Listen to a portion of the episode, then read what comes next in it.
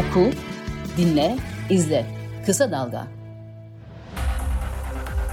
Ee, gündem, gündemi konuşacağız. Hani hep diyoruz ya haftaya umarız daha farklı şeyler konuşuruz ama sen de diyorsun ya siyaset izin vermiyor ki bize Allah. Yani çünkü gene e, dehşet bir e, dehşet yani bir dehşete düşüren bir haber okudum. İsmail Saymaz yazmış. Zaten bir hafta e, danışmanları meselesi gündemde yerini korurken hani o, bu, bunu da konuşacağız zaten ama yeni bir danışman danışman da demeyeceğim bu sefer de belediye başkanı yapıyor. Yani gitmiş iyi Parti e, son dönemdeki Bursa milletvekili aday adaylığını yapmış. Meral Hanım'ın danışmanlığını yapmış bir ismi İbrahim Alagöz'ü e, CHP'ye davet etmiş edebilir. Bir sakıncası yoktur. Rozetini takmış ama Bursa Nükter'den belediye başkanı adayı yapacakmış. Şimdi hani neresinden tutsan elinde kalan bir şey. Yani gidip illa diğer böyle sağ partilerden e, birilerini alıp transfer edip danışman yapıp bir de kendi partisinde yıllardır çalışan, emek veren isimleri kenara atıp tek başına belediye başkanı e, adaylığı sözü vermesi hakikaten e, ya bende şaşkınlık yaratıyor. Partide yarattığı duyguyu düşünemiyorum bile. Yani genel başkan tek başına zaten karar veremez. Belediye başkanı karar veremez. Partinin organlarından karar çıkartmak zorunda. Bu partiye yıllardır emek veren, e, bölgesinde çalışan insanlar dururken niye böyle bir şey yaptığını çözemedim. Ki geçen hafta hani çok konuştuk Perinaz Mah Mahpeyker, Atatürk'ün maymun diyen, Kemal Kılıçdaroğlu'na inanılmaz hakaretler eden bir kadın danışmanıymış. Biz bunu daha yeni öğreniyoruz. Onu e, bir arkadaşının kendisine tavsiye ettiğini söyledi. Öğrendik o arkadaşı da meğer AK Partiliymiş Hasan Cengiz. Adam diyor açık açık benim hala profilimde Erdoğan'la fotoğrafım duruyor diyor. Son döneme son ana kadar diyor Cumhur İttifakı'nı destekledi. Ama işte e, Kemal Bey'e inandım falan gibi bir şey söylüyor. Hani her yeniyle neresinden tutsan elinde kalan bir şey. Ama beni dehşete düşüren başka bir şey de Sedat. Şimdi biz bunları yeni öğreniyoruz. Çünkü 80 80 danışmanım vardı. Öyle bir şey yanılmıyorsam. Yok, say, sayısı bilinmiyordu. Sayısı bir ama şimdi e, ne olur e, bir, yani yanlış düşünüyorsam düzelt. Şimdi CHP'nin e, yetkili isimleri de parti yönetiminde yer alan isimler de bunu eleştiriyorlar. Ben de şunu düşünüyorum. Kardeşim sen bu partinin yetkili ismisin. E, genel başkanın danışmanları kimdir diye hiç merak etmedin mi? Hiç bakmadın mı? Kimdir bunlar? Kime danışır genel başkan? Nasıl bakmazsın? Nasıl bizimle beraber öğrenirsin? İşin bir de bu yönü var. Yönü var. Ne diyorsun Sedat bu danışmanlar ve transferlere? Kemal Bey ne yapıyor yine? Ee, Valla söyleyecek bir cümlem olsa senden ama yani hani Kemal Bey'e sorduğunda da bir e, tatmin edici açıklama yap, yapabileceği konusunda şüphelerim var. Şimdi parti dedin hani Erdoğan tek adam olarak Türkiye yönetiyor. Yani partinin de mutlak hakimi. Ama inan oradaki kurullarda tartışılıyor. Meseleler tartışılıyor. Evet. Yani itiraz ediyorlar genel başkana. E, genel başkan dinliyor, not alıyor. Bazen fikir değiştiriyor karşısından gelen fikirler. Bu seçim sürecini öyle götürdüğünü ben biliyorum. Biliyorsun o strateji masalarından ben bu bilgileri de yazdım. Evet. İki tane, üç tane ayrı strateji masası vardı. Hepsinde yani 5-6 saat süren toplantılar. Ee, ve konuşmuyor orada uzun uzun da. Hani orada çünkü ikna edeceği, kandıracağı insanlar yok. Birlikte e, şey yapacağı insanlar var. Yani tartışıyor de, derken hani fikri tartışma var. Yöntem tartışması var tabii ki. Çünkü hemen hemen hepsi aynı düşünce sistematiğine sahip, e, düşünce dünyasına sahip insanlardan oluşuyor masada. E, bir de odaklandıkları ya seçimi kazanmak. Hani burada birbirleriyle kavga edecekleri bir şey de yok. Farklı hedefler de yok. Yani, yani. E, bu, bu, bu, bu, bu Türkiye'deki reel siyasetin aslında mantıklı e, yöntemi bu. Yani şimdi muhalefetteki e, her tarafı dağıtmış hal bunun olmamasına kaynaklanıyor. Yani önünüze bir hedef korsunuz, o hedefe doğru yol alırsınız. Sizin hedefiniz bile yok şimdi. Ee, ya Kemal Kılıçdaroğlu bir e, hani burada konuşuyoruz. Ekip kurma konusunda sıkıntısı var. Bir ekip yok. Yani 13 yıldır parti yönetiyor. 13 yıldır parti yönetiminde yer alan e, bir tek isim var. Bülent Kuşoğlu. O da çok eski arkadaşım. Bir ikinci isim yok. Oysa o partide halen Baykalcı kanattan isimler var. Karayalçıncı kanattan isimler var. Ee, İnönü döneminden kalan isim, isimler var. Ee, şey var yani bir daha önce ekip olarak o partiyi yönetmiş, o ekiplere liderlik yapmış isimlerle anılan ekiplerden is- isimler var. Ama e, şeyci yok. E, Kemal Kılıçdaroğlu'cu yok. Bir tane yok. Tam tersi bir dönem birlikte çalıştık insanlar ayrıldıktan sonra hemen Kemal Kılıçdaroğlu'nun karşısına geçiyor. Aldığı pozisyon hemen karşı taraf. Hemen karşı taraf. Yani en sonda gördük işte Muharrem Erkeği'nden Bülent Tezcan'ına kadar. Yani bak kabineye taşıyacağı isimler bir anda karşısına geçti. Evet. Meclis Başkanı yapacaktı Engin Altay'ı hemen karşısına geçti. Yani bu kadar kolay karşınıza geçiyorsa orada bir e, şey yok yani bir e, ekip ruhu, bir yoldaşlık hukuku yok. Kötü olan bu. Niye yok? İşte orayı birazcık araştırmak lazım. Yani, Niye yok? Kemal Kılıçdaroğlu'ndan mı kaynaklanıyor? Kemal Kılıçdaroğlu şunu seviyor. Farklı kimlikteki insanlarla görüşmeyi seviyor. E, Görüş burada bir sıkıntı yok ama o insanlara hemen CHP etiketi yaparak CHP çatısı altında taşımanız sıkıntı. Yani hani biraz önce sen sordun ya kaç 80 danışmanı var? Kimse bilmiyor. Bu, bu normal mi? Soruyorum sana şimdi yani. Ben zaten bunlara ne danıştığını da bilmiyorum yani. Şimdi şeyin e, genel merkezde e, Recep Tayyip Erdoğan hiç danışmanı yok. E, Devlet Bahçeli bir dönem danışmanlarla çalıştı.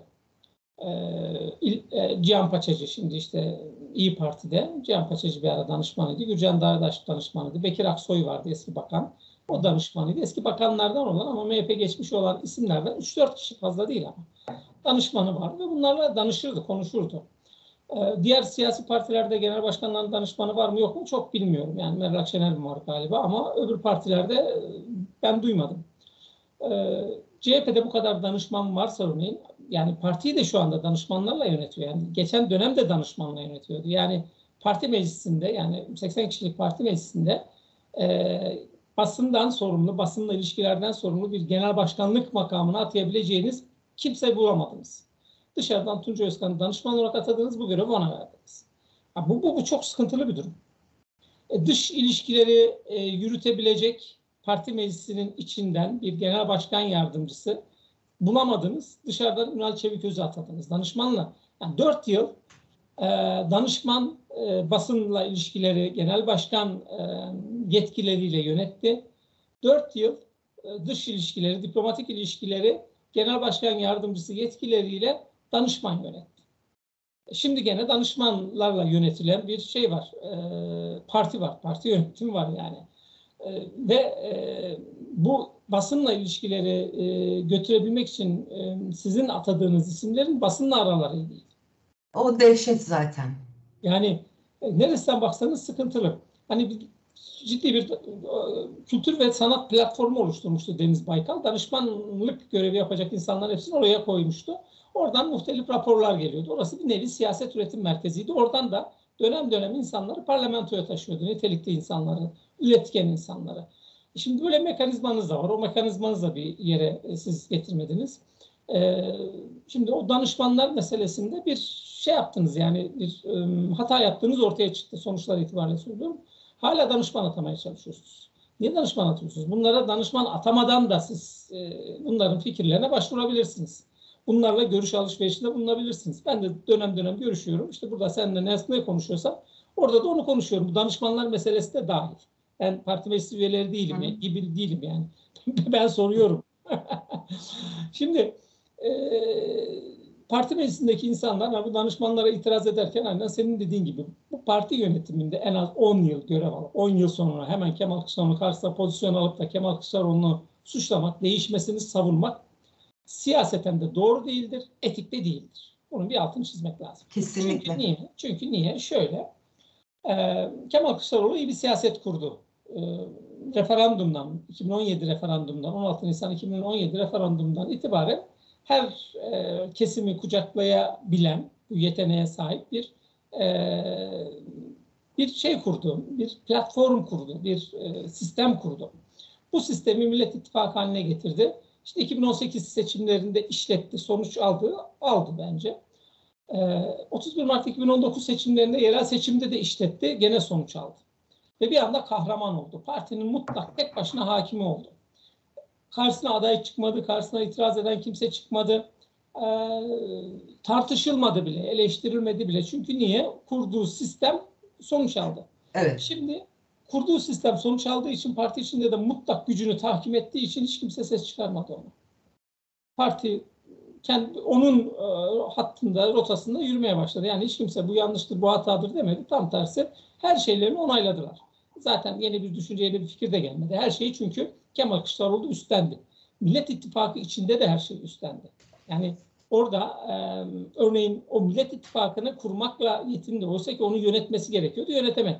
Bugün ortaya çıkan sorunların tamamı o Millet İttifakı'nın yönetilememesinden kaynaklanıyor zaten. E, şimdi bir anda e, çok şey beklenti yükseldi tabii 14 Mayıs, 28 Mayıs'ta 14 Mayıs diyelim biz ona. Hı hı.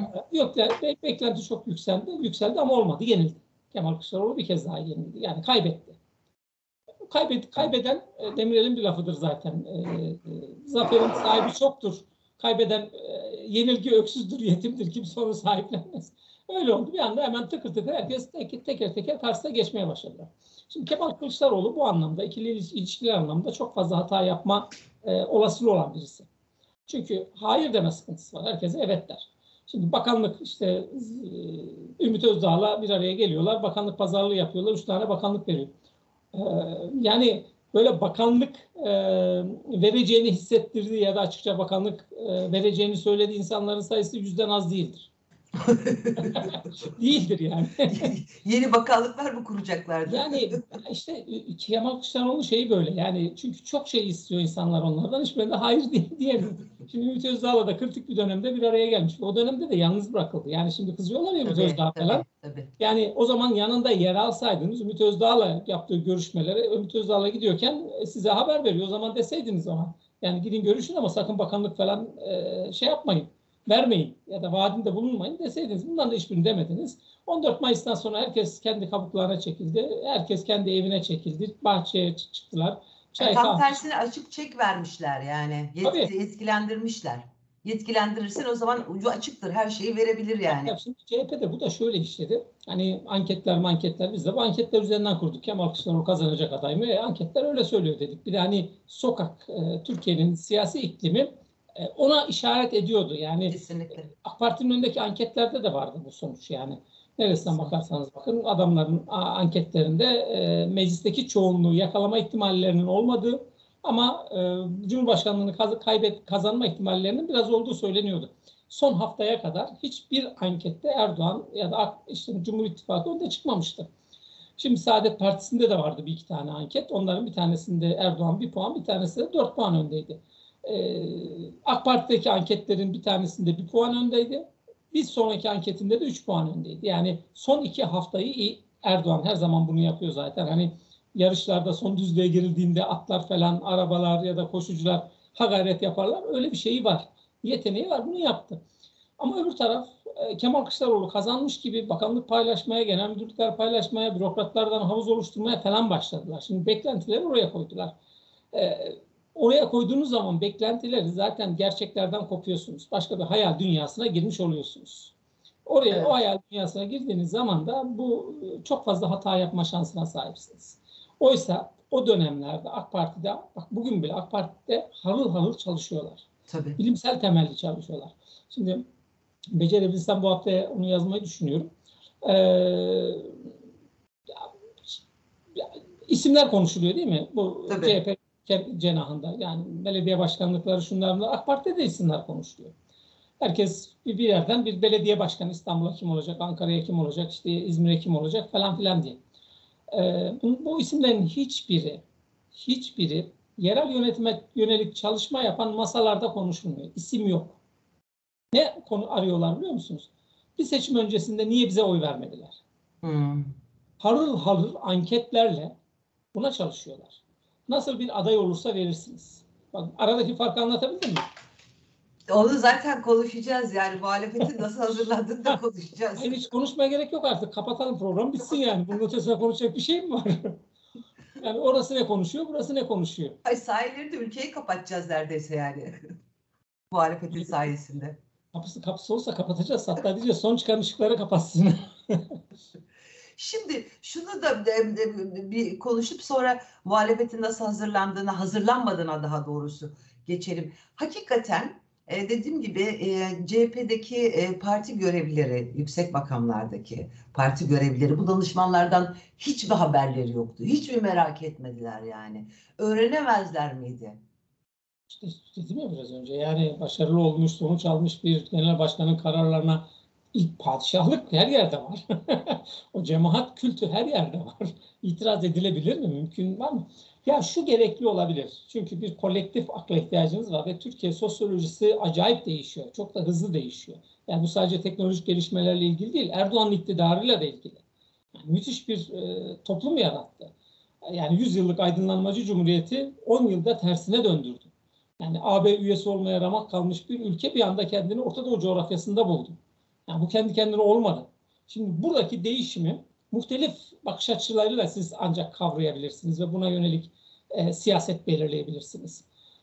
Yani solda olsanız da yani mutlak katı bir sosyalizm inatçısı olsanız bile bu değişen sosyolojik yapıyı dikkate almak zorundasınız. Oraya ulaşacağınız araçları belirlemek için, oraya ulaşacağınız fikri ifade etme yöntemini belirlemek için. Bunların hepsini teker teker göze almanız lazım. Yani Türkiye'de şu gün bakıyorsunuz gerçekten, Türkiye sosyolojisi üzerinden söylüyorum, e, kendilerini muhafazakar olarak ifade eden, işte sakalıyla, başındaki e, şapkasıyla, erkekler, örtüsüyle, kadınlar ve kendilerini muhafazakar olarak ifade ediyor, AK Parti seçmen olarak ifade ediyor ama sınıfsal bir mücadele içindeler. Bütün iş yerlerinde grev ya da hak talepli eylemlerin tamamındaki sosyolojiye baktığınız zaman bunlar var. Bunları yok sayamazsınız. Şimdi bunlara siz böyle hani sınıfsal bir temelde çok teorik kavramlarla da ulaşamazsınız. Ne yapacaksınız? Bunların içinden bir iki tane insanla siz mecbursunuz bir temas kurmaya. Hele bir kitle partisiyseniz ihtiyacınız mutlak hale geliyor. Ama bunun yöntemi bu değil. Tabii. Kesinlikle bunun yöntemi. Yani İyi Parti'den çıktım ben geldim. İşte AK Parti'den çıktım ben geldim. Şimdi o kadın adını unuttum şimdi. Batmanlı olan. Perinaz Mahpeyker. Perinaz Hanım öyle diyeyim. Soy ismini yine beceremeyeceğim. ee, şimdi e, ben bak, baktım o tweetlerine. Bu dil, bu söylem hiçbir parti tarafından kabul edilmemelidir. AK Parti'nin de bunu atması lazım. Yani CHP'nin almamasını bırak, AK Parti'nin de bunu atması lazım. Kesinlikle. Bu, bu dili siyaseten siz kullanıyorsunuz ve kamuya açık yerlerde bu dili kullanıyorsanız ve bu dili siz meşru sayıyorsanız ve bu dili kullanmayı da normal olarak görüyorsanız sizin hiçbir parti çatısı altında barınamamanız lazım. Ve bu kadın basit. danışman olarak alınıyor yani. Ya olmaz böyle bir şey olur mu canım? Yani, yani ben örneğin bir iki tane biliyorum CHP'de e, Kemal Bey'in danışmanı olduğunu. Bunların aktif olarak da katkı sağladıklarını biliyorum. Temaslarda ya da hep bir yere gideceği zaman çağırıyor danışmanını. Şunlarla görüşeceğim. E, nedir diyor. Onlara ilişkin şeyler söylüyor. Yani bu çok hani diplomaside çok kullanılır. Örneğin Dışişleri Bakanı ya da Türkiye'yi temsilen bir yere giden insanların eline Dışişleri bir dosya verir. İşte atıyorum Çin'e gidiyorsanız sakın Uygur Türklerinden bahsetme. E, oraların bir takım değerleri vardır biliyor musunuz? Yani o değerlere girmeyin işte. Yani onları hiç bulaşmayın, dillendirmeyin. Konu açılırsa bile kapatın gibi böyle bir bilgi notu verirler. Şimdi genel başkanların da bu bilgi notlarına ihtiyaç var. Yani bir cemevine giriyorsanız kapısına nasıl girileceğini size bir alevi anlatır. Elbette. Ya da bir dergaha giriyorsanız o dergahın bir mensubu o dergahın e, kurallarını, adabını size anlatır. Bunun gibi bir şey yani ihtiyaç var mıdır? Vardır ama bu artık o ihtiyaç ihtiyaç meselesini çok aşmış vaziyette. Yani e, bir de bu kadar danışmanınız varsa bu kadar danışmanınızın ortaya koyduğu bir şey olması lazım. Bir mütesebat, bir birikim bir şey olması lazım. Herkesle paylaşmanız gereken, herkesin de ihtiyaç duyması gereken bir şey olması lazım. E, bundan da olmadığını görüyoruz. Oku, dinle, izle. Kısa Dalga. Evet şimdi buradan gelelim gene hani dedim ya Nilüfer Belediye Başkan adayı yapacak İyi Parti'den e, gel, gelen ismi. E, Kemal Bey yine Kemal Kılıçdaroğlu tek başına karar vermeye başladı. E, aday adayı isimleri de ortalıkta dolaşıyor. E, ama diğer yandan işte İyi Parti Meral Akşener gene e, dehşet bir konuşma yaptı ve ipleri tamamıyla attı. Hatta e, hani büyük şehirler kaybedilirse kaybedilsin noktasında bir açıklamayla. E, İzmir bile yani Ümit Özdağ'ı aday gösterecekler. İzmir milletvekili hani iyi bir isim İzmir'de bilinen bir isim. Sanki böyle kaybedilsin diye uğraşılan bir atmosferle giriyor, e, hazırlanıyor, hazırlanmıyor diyeyim daha doğrusu muhalefet seçimlere. Ne, ne olacak? Ee, yani nedir hedefleri? Hedefleri yok mu? Yine aynı cümleyi kuracağım. Vallahi bilmiyorum. yani e, İyi Parti'de ne olduğunu, neler olacağını, İyi Parti'nin ne yaptığını, İyi Partilerin bile bilmediğinden eminim. Bilmediğinden eminim. Yani bilgi olarak söylüyorum sana. E, yani böyle bir e, fırtınadaki gemi gibi nereye gidecekleri bir kaptansızlık söz konusu orada. E, CHP yani kaptanım dedi limana getirmeye çalışıyor Kemal Kılıçdaroğlu. En azından da kaptanı biliyorsunuz. Burada çok bilmiyorsunuz. Çünkü Kem- e, Fatih Altaylı'nın programına çıkana kadar bu ittifaklar yerel, seçimdeki işbirliği ittifak demiyorlar ona. Konusunda 10 tane ayrı açıklama. Açıklama, Genel evet. başkan da dahil. E, bir kafa karışıklığını görüyorsun orada. Şimdi çıktı başka başka şeyler söylüyor. Abi bir de şu cümlesi var yani biz CHP'ye e, başkan kazandırmak mı görevimiz diye parti. Partinin görevi rakibini geriletmektir. Geriletmek nasıl olur? E, mevzi kazanarak olur. 2019'da bir mevzi kazandınız siz. İyi Parti olarak da mevzi kazandınız. Bugün parlamentoda o gruba, o milletvekili sayısına sahipseniz, %9 küsur oya sahipseniz bunun nedeni o ittifaktır. Yani beğenmiyorsanız ayrılıp giderdiniz. 14 ay sürdü bu ittifakın yaptığı çalışma. 14 ayda siz de sizin arkadaşlarınız da o masada bu çalışmalara katkı sağladılar ve hınız çıkmadı. E bir de hani CHP'ye seç- seçim kazandırmıyoruz. Bizim görevimiz CHP'ye seçim kazandırmak. Senin görevin HDP'ye seçim kaybettirmek miydi? Iğdır'da örneğin Kesinlikle. MHP'nin adayına gittin HDP adayı kazanmasın diye destek verdin. E o zaman meşru. O, o bir de HDP, MHP senin rakibin yani. Rakibini bile destekleyen bir siyaset olur mu? Yani nereye, nereye koyacağız bunu? Yani İyi, İyi Parti'nin kafasının karışıklığı çok e, vahim boyutta. Kafa mı Evet. karışık? Ya ben, ben artık kafa karışıklığına çok da inanmıyorum Sedat. Kurumsal olarak bir- kafa kar- karışıklığı. bildiğin hani bildiğin sarayın kapısını açıyor yani. Hani buyurun diyor. Hepsi sizin olsun. Bu tavır onu onu gösteriyor yani. Tüm belediyeleri olduğu gibi hani sen diyorsun zaten hepimiz de biliyoruz ama bu seçimden sonra hakikaten dikensiz gül bahçesi elde edecek. Eğer AKP büyük şehirleri de alırsa işte İstanbul, e, Ankara, İzmir ki İzmir'de artık sallantıya girebilir yani hani hakikaten o zaman buyurun buyurun yapıyorsun kafa karışıklığından ziyade çünkü dehşet hani Meral Hanım e, saraya böyle konuşmuyor ama muhalefete yönelik eleştirileri dediğin gibi o zaman niye bunları dile getirmedi yani? Ya kafa karışıklığı şundan söylüyorum. Hani bu işi yapacaksan daha iyi yapabilirsin. Daha üstü böyle yapabilirsin. Ve partin de bilir bunu. Şimdi e, MHP çağrı yaptı sana. e, gel komşu ol bize diye. E, o zaman ona da olumlu yanıt verseydin. Yani e, onlara komşu olmak demek Cumhur İttifakı'na girmek demek değil ki en azından gene ittifaklar e, arasında bir, yerde olurdun. Oraya biraz daha yakın olurdun. Çünkü onların da derdi CHP'nin e, bu seçimi kaybetmesi. E, yani şey hedefte ortaklaşmış oluyordunuz. E bir de yani e, CHP ve başkanlığı kazandırmak diyorsunuz. Bunların hepsi ittifakın ortak adaylardı. Sizin onayladığınız ve desteklediğiniz adaylardı. Yani hep örnek veriyorum bir daha hatırlatayım. Ankara'da Mansur Yavaş CHP'ye mi yakın, İyi Parti'ye mi yakın? Tabii ki İYİ CHP'den Parti'ye yakın. CHP'den aday oldu. Onun nedenleri var işte. Evet. Daha önce de CHP'den aday olduğu için öyle parti parti dolaşan bir siyasi figür olmam dedi ben. Bir de yani oradaki büyük yapı CHP. CHP'de olduğunuz zaman işte Kürt oylarını alıyorsunuz. Ankara'da Kürt oylarını aldı yani. Mansur Yavaş'a Ankara'da HDP seçmeni oy verdi. Filistin oy verdi. Niye önemli? Bakın Balık, Balıkesir'i konuşuyoruz. İyi Parti'de Hı hı. yaptı ya benim adamım girecek diye. Evet. Şimdi AK Parti milletvekili. E, Balıkesir'de İyi Parti aday çıkarınca HDP de aday çıkardı. CHP aday çıkarsaydı HDP aday çıkarmayacaktı ve CHP kazanacaktı orayı. Kesinlikle. Denklem bu kadar basit. Şimdi e, senin Ankara'dan iki tane İyi Parti milletvekili çıktı.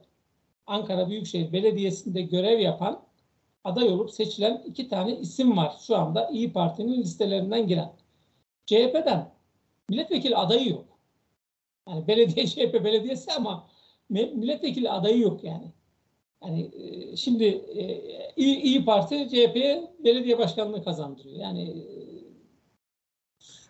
bu Ya- belediyeler Adı üzerinde CHP, CHP'den Büyükşehir Belediye Başkanı Mansur Yavaş. Yani ben Mansur Yavaş'ı hiç hani CHP'li gibi göremiyorum açıkçası. Ya adam inkar etmiyor ki ben ülkücüyüm diyor. Geçmişim bu diyor. Ama şimdi CHP'de milletvekiliyim, CHP'nin üyesiyim diyor. Bak burada ilkeli davranıyor. Çok doğru da iş yapıyor yani. Bu, bu, bu tavır ahlaki bir tavır. Çünkü ben bu çatının altındayım diyor. CHP, CHP'liyim. CHP'li e, yani geçmişim itibariyle şu anda CHP'liyim diyor ama geçmişim itibariyle ülkücüyüm. Politik kimliğimi sordukları zaman ülkücüyüm diyorum ama partim CHP. Hani bu bir kitle partisinin içinde de belediye başkanlığı koltuğuna oturmuş bir kişi için bir anormal durum değil. Tam tersi biraz önce söylediğim gibi hem ilkeli hem de ahlaki bir e, tutum bu. Kendini de reddetmiyorsunuz. Bulunduğunuz yeri de sahipleniyorsunuz sonuç itibariyle. E şimdi bu hani İyi, İyi Parti'nin açıklamaları, Meral Akşener'in açıklamaları çünkü e, hatırlayalım e, uçakta e, kendisi tarafından hazırlanan sorular dillendirilince buna cevap veren Erdoğan e, bize karşı el yükseltiyor dedi Meral Akşener için. Bu çok ağır bir cümle.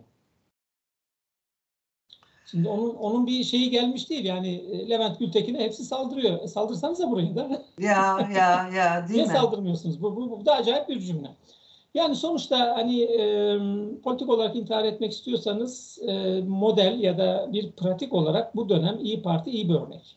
Hmm. Tarih kaydı alır. Yarın öbür gün biz işte partimizi e, intihar ettireceğiz, partimizi e, parti olmak kimliğinden çıkaracağız, e, tutarsız bir yapı haline dönüştüreceğiz. Nasıl yapabiliriz sorusunun yanıtını e, bugün İyi Parti çok e, kalın altını çizerek gösteriyor. Buradan bir yere varılır mı? Çok bir yere varılmaz. İşte senin söylediğin gibi 11 tane büyükşehir belediyesinin tamamı gidebilir. Çünkü niye? Cumhur İttifakı'nda bu meseleler hiç sorun olmayacak. Bakın MHP zaten başından beri biz Cumhur İttifakı'ndayız, hiçbirini sürdüreceğiz diyor. Çünkü avantajlılar. Tabii. MHP ile AK Parti bir araya geldiği zaman zaten o, orada bütün kararları iki kişi veriyor. Şimdi belediye başkan adaylığı paylaşımında da sorun olmayacak. Çünkü niye? CHP'den alacaklar. Birbirlerinden almayacaklar. Yani CHP'den AK Parti'nin almasıyla MHP'nin alması Cumhur İttifakı açısından çok büyük bir önem arz etmiyor. Mesele CHP'den alındı mı orası alındı. Yani AK Parti çok rahat Adana'yı da Mersin'i de MHP'ye verebilir. Oylar eşit olduğu için söylüyorum. Başka yerleri de verebilir. Belki MHP hiçbirini istemeyebilir. Doğru söylüyorsun. 3-5 tane küçük il bana yeter, ilçe yeter bana diyebilir. Çünkü oradaki siyaset önüne koyduğu mutlak bir hedefi var. Cumhurbaşkanlığında Cumhurbaşkanlığı kazanmak, yerel seçimlerde CHP'nin elindeki belediye başkanlıklarını almak. Nokta. Bitti. Evet. Şimdi çok az zaman kaldı. Ee, şeyi sorayım sana bir de. Özgür Özel işte aday oldu, olacak, oldu, olacak e, kurultayda. Ee, son açıklamaları da sanki böyle aday e, adaylığı için e, biraz daha e, ne o yöne doğru gidiyormuş gibi. Ne konuşuluyor? Hakikaten Özgür Özel, Özgür Özel Kemal Bey'in karşısına çıkar mı kurultayda? Ya birazcık bu ilçe e, kurultaylarını, kongrelerini beklediler. Oradaki delege yapısına bir bakmak istiyorlar. Çünkü onlar illerdeki e, delegeleri de seçecekler, il başkanlarını da seçecekler. Bir böyle hani dengeye oturmuş değil. Müthiş bir bilinmezlik var delegelerin yapısında da. Kategorize edemiyorsunuz. Ne kadar Kılıçdaroğlu'nu istiyor, ne kadar değişim istiyor. Kategorize edemiyorsunuz. Çünkü o delege eskisi kadar hani bir organize örgütlü muhalefet olmadığı için Evet. e, Kurultay salonunda bunlar belli ediyorlar kendilerine. İşte Muharrem İnce geçmiş dönemlerde bunun için iyi bir örnektir.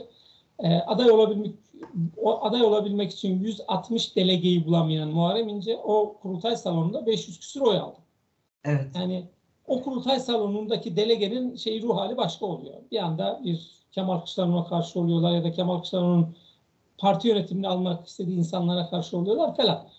Ee, Özgür Özel niyetli aday olacak öyle gözüküyor galiba. Bunu Kemal Kılıçdaroğlu da önüne açıyor. Yani o da teşvik ediyor gördüğüm kadarıyla dolaylı olarak. Çünkü iki adaylı bir kurultay olsun.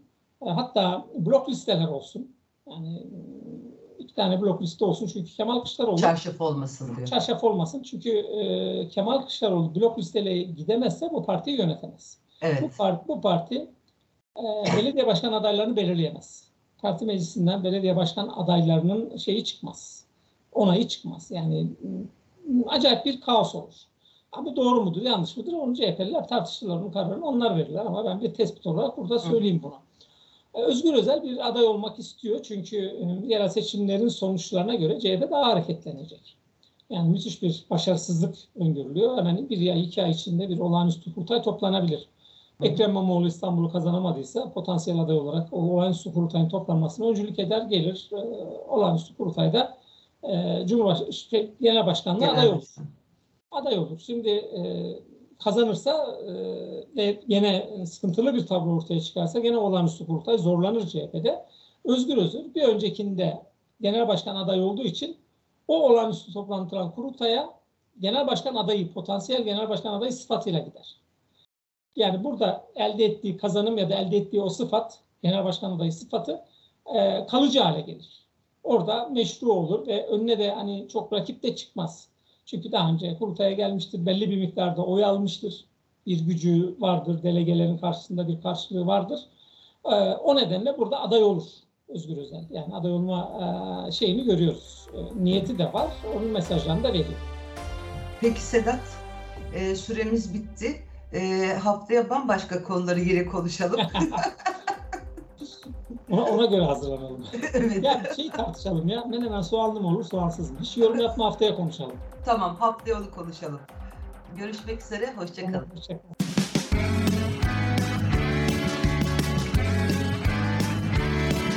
Kulağınız bizde olsun. Kısa Dalga Podcast.